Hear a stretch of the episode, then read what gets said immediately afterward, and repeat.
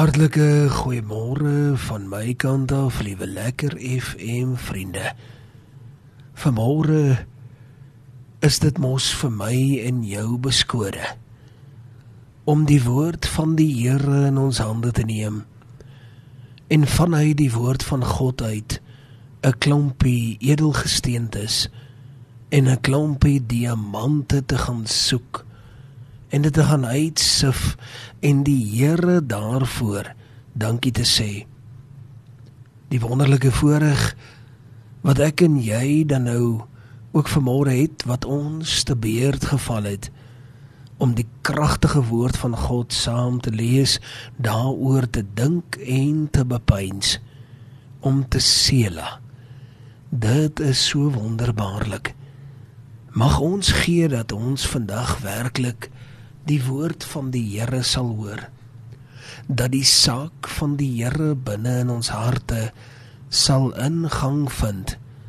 Dat ons harte sal verkoop word, dat ons ook in baie opsigte die nodige leiding sal ontvang dat waar ons 'n besluit of twee moet neem, dat ons sal weet dat die Here in beheer daarvan is en dat hy nog nooit te ver van my en jou af was as om die saak doeteenvoudig net weer in sy hande te neem nie.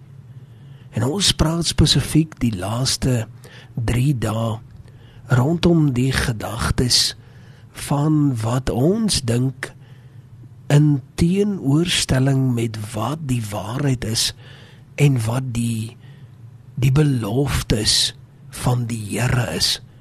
En ons kan baie maal so verlore raak in in die sorge van die dag tot dag lewe dat ons vergeet van die wonderwerke wat die Here in ons lewe kom doen het.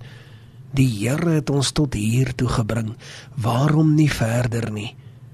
Hy het ons gelei en hy het ons by die hand geneem. In sy kragtige regterhand bied aan my en jou die nodige sekuriteit dat ons nie hoef rond te tas nie maar dat ons heelhartig weet dat die Here in beheer is en in beheer bly. Ons het gister oggend gepraat oor die gedagte ook natuurlik daaruit Lukas 18 vers 27 dat alle dinge moontlik is by die Here. Daar is niks onmoontlik nie Jy weet ons het 'n geneigtheid om te sê iets is onmoontlik. Ek het dit al in my 24 jaar in die bediening het ek dit al so baie maal gehoor as ek R5 gehad het vir elke keer wat ek dit gehoor het. Dan was ek al deur en deur 'n miljonair. Want ek het dit al so baie maal gehoor. Iets is onmoontlik. Ek wil vandag vir jou sê net verlede week het ek iets ervaar wat ek ook gedink het onmoontlik is en die Here het weer deurgebreek en vir ons kom bystaan.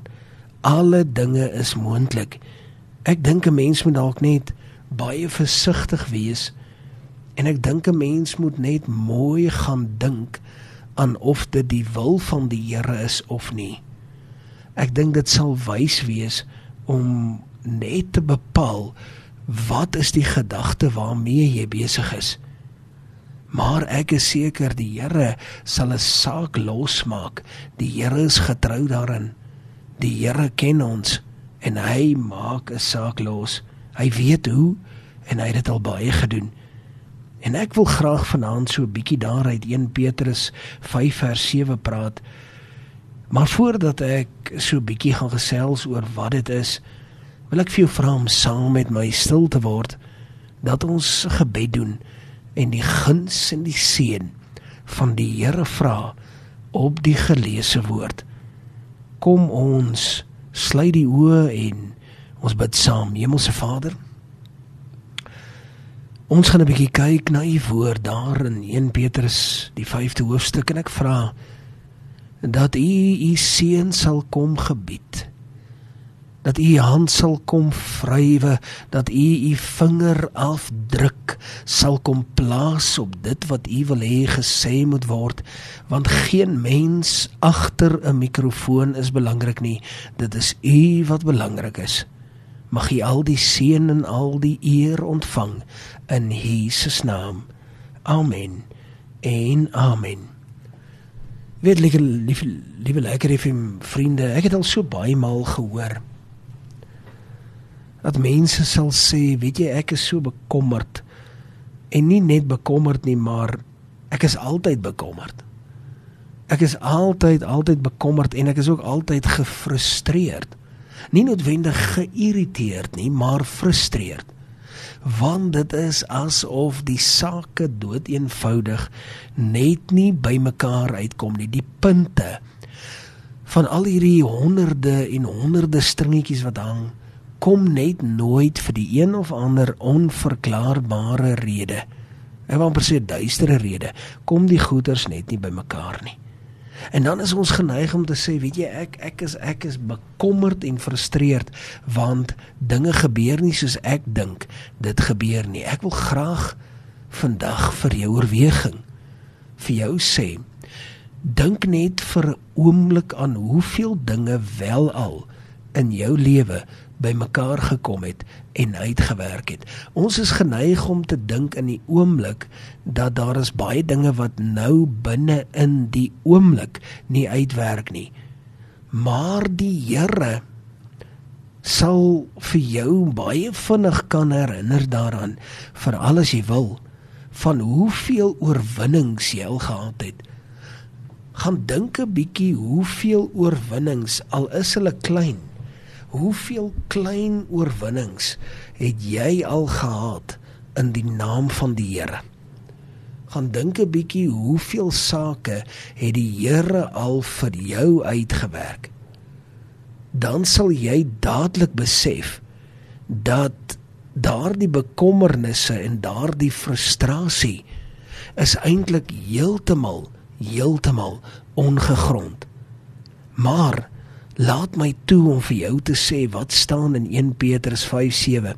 Daar staan plaas al jou sorge op die Here want hy is by magte. Jy hoef nie bekommerd te wees nie. Jy hoef nie 'n stryd te stry nie. Die Here sê plaas dit op my. So buiten die feit dat jy kan gaan kyk hoeveel suksesse jy al bereik het, dan wil ek ook vir jou sê daai bekommernis, daardie frustrasie haal hom uit, skryf hom neer, plaas hom op die Here. Die Here sê nie verniet dat ons dit kan doen nie.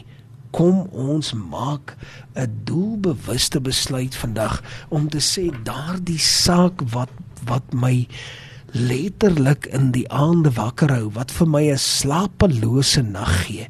En ek weet daar is baie Ek weet daar is baie want selfs in my eie lewe is daar so baie. Gee dit vir die Here, plaas dit in die hande van die Here en die Here weet presies wat om met dit te maak. Moenie jouself probeer om daardie saak te behartig nie want uiteindelik het ek al baie maal gesien as jy met jou eie vlees kom en jy probeer 'n saak regstel of verander dan kry jy dit dikwels nie reg nie. Wees eerder wys. Tel jou ure tel jou minute tel jou sekondes wees wys. En gee dit op die Here vir die Here. Ek dink nou hier aan die Engelse benaming wat sê cast your burdens unto him. Cast your burdens. Jy weet daar's 'n liedjie. Cast your burdens unto Jesus. Jy weet dit is vir my so 'n gepaste gedagte vir die oggend. Plaas dit alles op die Here. Dan kry ek baie maal die gedagte van dat weet jy wat ek voel heeltemal alleen ek voel totaal en al alleen en ek ek weet nie eintlik wat om daarmee te maak nie. Ek wil vandag vir jou sê, jy kan alleen voel. Dit is 'n menslike reaksie, maar dit is nie die waarheid nie. Want die Here het nog nooit iewers heen gegaan nie. Die Here was nog altyd teenwoordig in jou lewe en die Here sal teenwoordig bly want hy is 'n waarmaker van sy woord en hy is getrou terwyl die mensdom nie getrou is nie. Enige menslike alliansie sal nooit trou wees nie. Daar sal altyd die een of ander hartseer kom, daar sal altyd die een of ander trane vloei rondom 'n menslike alliansie. Maar as die Here daar is, dan kan jy maar weet dat die Here sal jou nie los nie. En as jy vanmôre die een is wat sê, weet jy wat? Ek voel heeltemal alleen.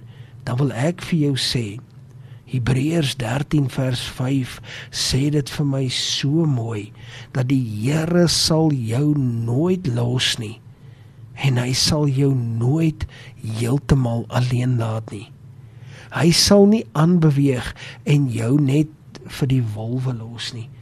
Engelse benaming sê om dat I will never leave you or never ever ever forsake you. Die Here sal nie want dit is teen sy woord, dit is teen sy attribute en wie hy is. Die Here weet wat hy doen en hy weet wanneer en waar En die Here weet ook hoe ver jy dit sal kan hanteer. En daarom sê die woord van die Here dat hy jou nie bokant jou kragte ooit sal beproef nie. Die Here weet dat hy dit sal kan hanteer vir jou. Dis hoe die Here werk. Die Here is in beheer. En daarom sal ek vandag vir jou met baie vrymoedigheid raad gee deur te sê die Here sal jou nooit los nie en hy is nie weg van jou af nie hy sal nooit weggaan van jou af nie hy is daar want sy woord sê hy is daar en al gebeur dit soms dat jy in jou gedagtes dalk dink jy weet dis net nie die moeite werd nie het al so baie keer dit ook gehoor jy weet ek praat spesifiek van wat mense dink verses teenoor wat die waarheid is en wat die Here se beloftes is. Jy weet dis dis net nie die moeite werd nie. Dis net nie die moeite werd nie. Ek wil vandag vir jou sê dit is die moeite werd. Dit is die moeite werd volgens Romeine 8:28 sê hy it will be worth it. Dit sal die moeite werd wees. Dit is die moeite werd. Dit sal altyd die moeite werd wees. Hou net vas alles is die moeite werd as dit gaan oor die sake van die Here. As dit gaan oor die saak van die Here waarmee jy omgord is, sal dit die moeite werd wees van die Here is in beheer en hy bly in beheer. Ek wil vir jou vandag die raad gee. Gaan dan nou vandag uit en weet omdat jy weet dat die Here sê dit is die moeite werd en dat die Here op dese aarde nooit vir jou sal los nie. Hy sal jou nooit maar nooit alleen laat nie. Die Here sê vandag vir jou, weet jy wat plaas dit alles op my? Al daardie sorges wat jy ronddra, al daardie dinge wat vir jou dood eenvoudig net te erg voel, plaas dit op my. En dit sal die moeite werd wees. Moet nooit weer sê dat iets nie die moeite werd is nie. Sê eerder vanuit die staanspoor dat iets wel die moeite werd is en dit wat ek nou deurgaan dat dit tog die saak van die Here bevorder en dit uiteindelik wel die moeite werd is. Tot sover die woord van die Here. Kom ons sit net so. Dan sluit ons die oë, dan bid ons saam. Hemelse Vader, dankie vir u woord. Dankie dat u woord ons harte kom stig het, ons gees kom aanraak het en dat ons weet omdat ons weet dat u in beheer is en dat u die koning is en dat u die harte van elkeen wat vandag luister sal kom aanraak op 'n kosbare wyse.